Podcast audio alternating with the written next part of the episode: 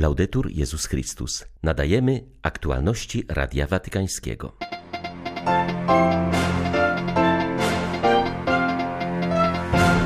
Kościół potrzebuje więcej kobiet teologów, powiedział Franciszek na audiencji dla Międzynarodowej Komisji Teologicznej. W Paryżu rozpoczyna się zlot francuskich seminarzystów, w sumie sześciu kleryków z całego kraju. Pan Bóg nadal powołuje, to znak nadziei dla Francji, mówi ksiądz Thomas Poussier, organizator spotkania. Módlmy się żarliwie, aby przywódcy polityczni religijni zawsze szukali dróg pokoju, napisał papież do prawosławnego patriarchy Bartłomieja. 30 listopada wita Państwa Krzysztof Bronk. Zapraszam na serwis informacyjny. Papież przyjął uczestników seminarium o etyce w służbie zdrowia. Z powodu choroby nie mógł przeczytać przygotowanego na tę okazję przemówienia. Podzielił się jednak zebranymi informacjami na temat stanu swego zdrowia. Dziękuję. Jak widać, żyję. Lekarz nie pozwolił mi jechać do Dubaju. Powodem jest to, że jest tam bardzo gorąco i trzeba przechodzić z miejsc, gdzie jest gorąco, do pomieszczeń klimatyzowanych. A to w mojej sytuacji z moimi oskrzelami nie jest dobre. Dziękuję Bogu, że to nie było zapalenie płuc. To tylko bardzo ostre, niezakaźne zapalenie oskrzeli. Nie mam już gorączki, ale nadal biorę antybiotyki i inne leki. Na potrzebę liczniejszej obecności kobiet w gronie teologów zwrócił uwagę papież Franciszek podczas dzisiejszego spotkania z Międzynarodową Komisją Teologiczną w Watykanie. Zaznaczył, że nie chodzi tylko o to, by było więcej kobiet, ale aby pomagały w refleksji. Kobiety mają inną zdolność do refleksji teologicznej niż my mężczyźni, powiedział Franciszek.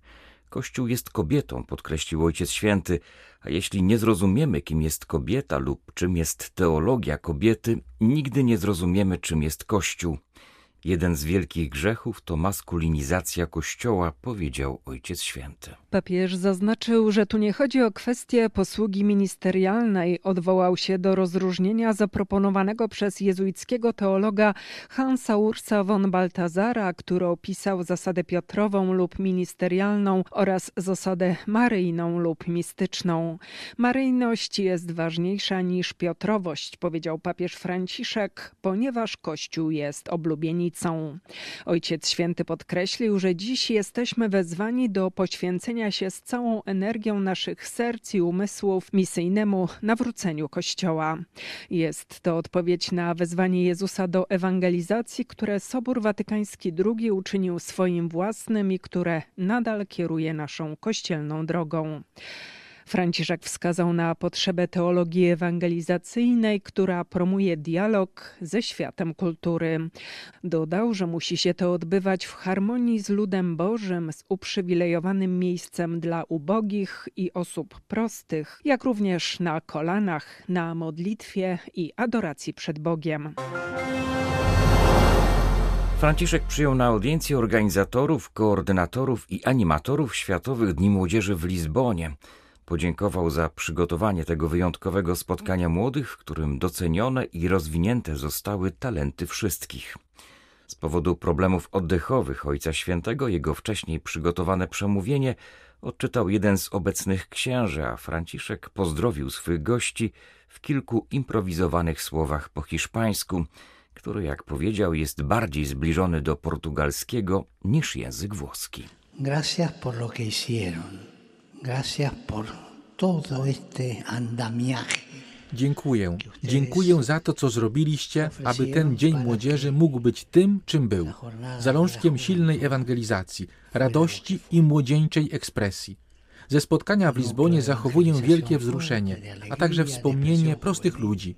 Wciąż trzymam różaniec, który dostałem od 96-letniej kobiety. Pamiętam również poważnie chorą dziewiętnastolatkę, która ofiarowała swoje cierpienia za to wydarzenie.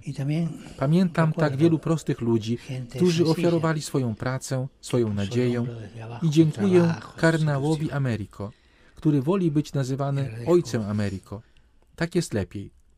Dziękuję mu za wszystko, co zrobił. To wyjątkowy kardynał, trochę enfant terrible, ale bardzo dobry. Un poco enfant terrible, pero muy bueno. Módlmy się żarliwie do Boga, naszego miłosiernego Ojca, aby ustał zgiełk oręża, który przynosi tylko śmierć i zniszczenie, a przywódcy polityczni i religijni zawsze szukali dróg dialogu i pojednania. Napisał Franciszek w przesłaniu do patriarchy Bartłomieja. Dziś przypada święto Andrzeja Apostoła, patrona patriarchatu Konstantynopola. Papieskie słowa zawiozła do Stambułu watykańska delegacja, w skład której wchodzi całe kierownictwo dykasterii do spraw jedności chrześcijan oraz nuncjusz apostolski w Turcji – arcybiskup Marek Solczyński. Franciszek przypomina o przypadającej w przyszłym miesiącu 60. rocznicy spotkania Pawła VI i patriarchy Atenagorasa. Papież zauważa, że było to wydarzenie historyczne, które stanowiło ważny krok naprzód w przełamywaniu barier nieporozumień, nieufności, a nawet wrogości, które istniały przez prawie tysiąc lat. Warto zauważyć, pisze Ojciec Święty, że dziś pamiętamy nie tyle słowa, i wypowiedzi tych dwóch proroczych pasterzy, ale przede wszystkim ich serdeczny uścisk. Rzeczywiście to bardzo znaczące, że ta droga pojednania, rosnącej bliskości i pokonywania przeszkód rozpoczęła się od uścisku, gestu, który wymownie wyraża wzajemne uznanie kościelnego braterstwa. Zdaniem papieża przykład Pawła VI i patriarchy Atenagorasa pokazuje nam, że wszystkie prawdziwe drogi do przywrócenia pełnej komunii między uczniami Pana charakteryzują się osobistym kontaktem i wspólnie spędzonym czasem. Do Paryża zjeżdżają francuscy seminarzyści. Jutro rozpoczyna się tam ich trzydniowy zlot. Swój przyjazd zapowiedziało 600 kleryków z całego kraju. Pan Bóg nadal powołuje młodych i dynamicznych mężczyzn. Ten weekend będzie tego dowodem. To znak nadziei dla Kościoła we Francji podkreśla ksiądz Thomas Poussier, organizator spotkania. Seminarzyści będą goszczeni w 300 paryskich rodzinach.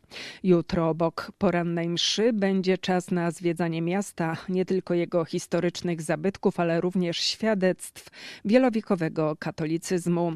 Przewidziano więc wizytę na Rue de Bac, gdzie miały miejsce objawienia cudownego medalika, czy w siedzibie paryskich misji zagranicznych. Wieczorem seminarzyści będą uczestniczyć w czuwaniach modlitewnych w 25 stołecznych parafiach. W sobotę francuscy klerycy zostaną podzieleni na kilkuosobowe grupy i rozesłani na ewangelizację na placach i ulicach Paryża. Wieczorem wszyscy zgromadzą się na adoracji Najświętszego Sakramentu w Bazylice na Montmartre. Tam też będą mogli poświęcić swoje życie Najświętszemu Sercu Jezusa. Zlot francuskich seminarzystów zakończy się w niedzielę mszą w kościele kościele Saint-Sulpice, który po pożarze w Notre Dame zastępuje paryską katedrę. Jak podkreśla w rozmowie z Radiem Watykańskim seminarzysta Baudouin Macias, takie spotkania uczą przyszłych kapłanów życia we wspólnocie. Myślę, że to euh, będzie wielki czas braterstwa. To ważne, że możemy się spotkać. Przede wszystkim dlatego, że w ten sposób nawiązuje się braterskie przyjaźnie. Nawet jeśli nie można poznać wszystkich, bo będzie nas 600. Seminarium w Toulouse jest już moim trzecim miejscem formacji. Cieszę się, że spotkam seminarzystów z naszej prowincji kościelnej. To są przyjaźnie, które nawiązujemy dzisiaj jako seminarzyści i one będą trwały jako przyjaźnie kapłańskie. Jest to bardzo ważne, ponieważ nie można być księdzem w pojedynkę. Potrzebujesz więzi, oczywiście ze świeckimi, ale myślę, że potrzebujesz także specjalnych więzi z innymi księżmi. Wiem, że zaplanowano wspaniałe uroczystości, modlitwę za Francję, adorację na Montmartre, ewangelizację na ulicach, katechezy biskupów, ale myślę, że w tego rodzaju wydarzeniach najważniejsze są relacje międzyludzkie, te bardziej nieformalne. Euh, Zlotowi francuskich seminarzystów towarzyszy modlitwa całego kościoła. Od 24 listopada do 2 grudnia trwa ogłoszona przez biskupów nowenna w intencji powołań i misyjnego nawrócenia. W spotkaniu uczestniczą seminarzyści, którzy realizują wypracowany przez episkopat program formacji. Nie biorą w nim więc udział klerycy z seminariów zakonnych i tradycjonalistycznych. W Bazylice Świętego Jana na Lateranie odbyły się uroczyste obchody 800-lecia franciszkańskiej reguły. To właśnie w tym miejscu 29 listopada 1223 roku papież Honoriusz III zatwierdził oficjalnie regułę braci zwanych pokutnikami z Asyżu. To dla nas moment dziękczynnej modlitwy i powrotu do naszych korzeni, mówi Radiu Watykańskiemu brat Marco Moroni, kustosz generalny świętego konwentu świętego Franciszka w Asyżu. Zakonnik podkreśla, że tego dnia w klasztorach na całym świecie Franciszkanie zwyczajowo odnawiają swoje śluby. To dla nas przypomnienie o pragnieniu pójścia za Jezusem według wskazań reguły przygotowanej przez biedaczynę z Asyżu, która oddaje i mocno naznacza franciszkańskiego ducha, mówi brat Marco Moroni. E, riconsegnata W pewien sposób dzięki temu jubileuszowi przyjmujemy tę regułę na nowo. Chodzi o to, byśmy powtórzyli nasze tak wypowiadane Bogu. Na to spotkanie braci wszystkich rodzin franciszkańskich i ludzi żyjących duchem świętego Franciszka z Asyżu celowo wybraliśmy Lateran, bo właśnie tam tę regułę otrzymaliśmy. W czasie uroczystości przypomnieliśmy sobie wszystkie 12 rozdziałów tej reguły, czemu towarzyszyły świadectwa życia i naszej posługi. Wysłuchaliśmy też przesłania papieża Franciszka do nas, wybierając u początku drogi swe imię i przez wszystkie 10 lat pontyfikatu Ojciec Święty pokazuje swe przylgnięcie do charyzmatu franciszkańskiego, a jego nauczanie przywołuje troskę o stworzenie, proponowaną przez naszego założyciela. Czujemy bliskość papieża i troskę o wszystkich franciszkanów czerpiących z tej dawnej reguły, która pozostaje wciąż aktualna.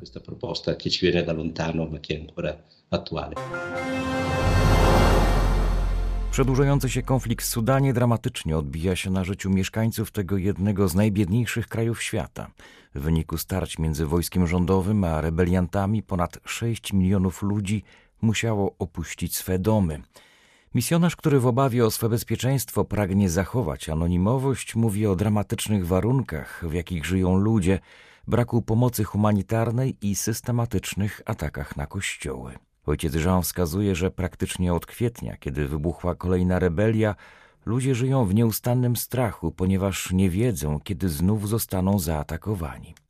Podkreśla, że Sudańczycy doświadczają kolejnej dramatycznej traumy, która cieniem kładzie się na ich przyszłość. Chroniąc się w kościołach, ludzie oczekują od nas pomocy humanitarnej, ale też wsparcia duchowego, wyznaje misjonarz.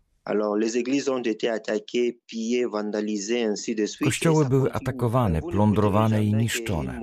Nie słyszałem, by bombardowano meczety, natomiast niszczenie kościołów jest niemal na porządku dziennym. Chrześcijanie są prześladowani, bo wyklucza ich panujący system. Politycznie niemożliwe jest mianowanie chrześcijan na wyższe szczeble władz. Gdy chodzi o edukację, to żaden chrześcijanin nie uczy w szkołach państwowych. Ludzie od lat cierpią z powodu kolejnych konfliktów militarnych i największym ich marzeniem jest życie w pokoju. Żyjemy w ciągłym strachu. W naszej parafii schronienie znalazło wielu ludzi i nadal przybywają. Zapewnienie im dachu nad głową jest wciąż pierwszym wyzwaniem. Wspieramy ich też żywnościowo i oferujemy pomoc duchową. Od początku konfliktu szkoły pozostają zamknięte, mieszkają w nich przesiedleńcy, tak samo jest w kościołach. Ta sytuacja może trwać latami. Pokój jest trudny do osiągnięcia. W Sudanie wszystko jest trudne. Były to aktualności Radia Watykańskiego.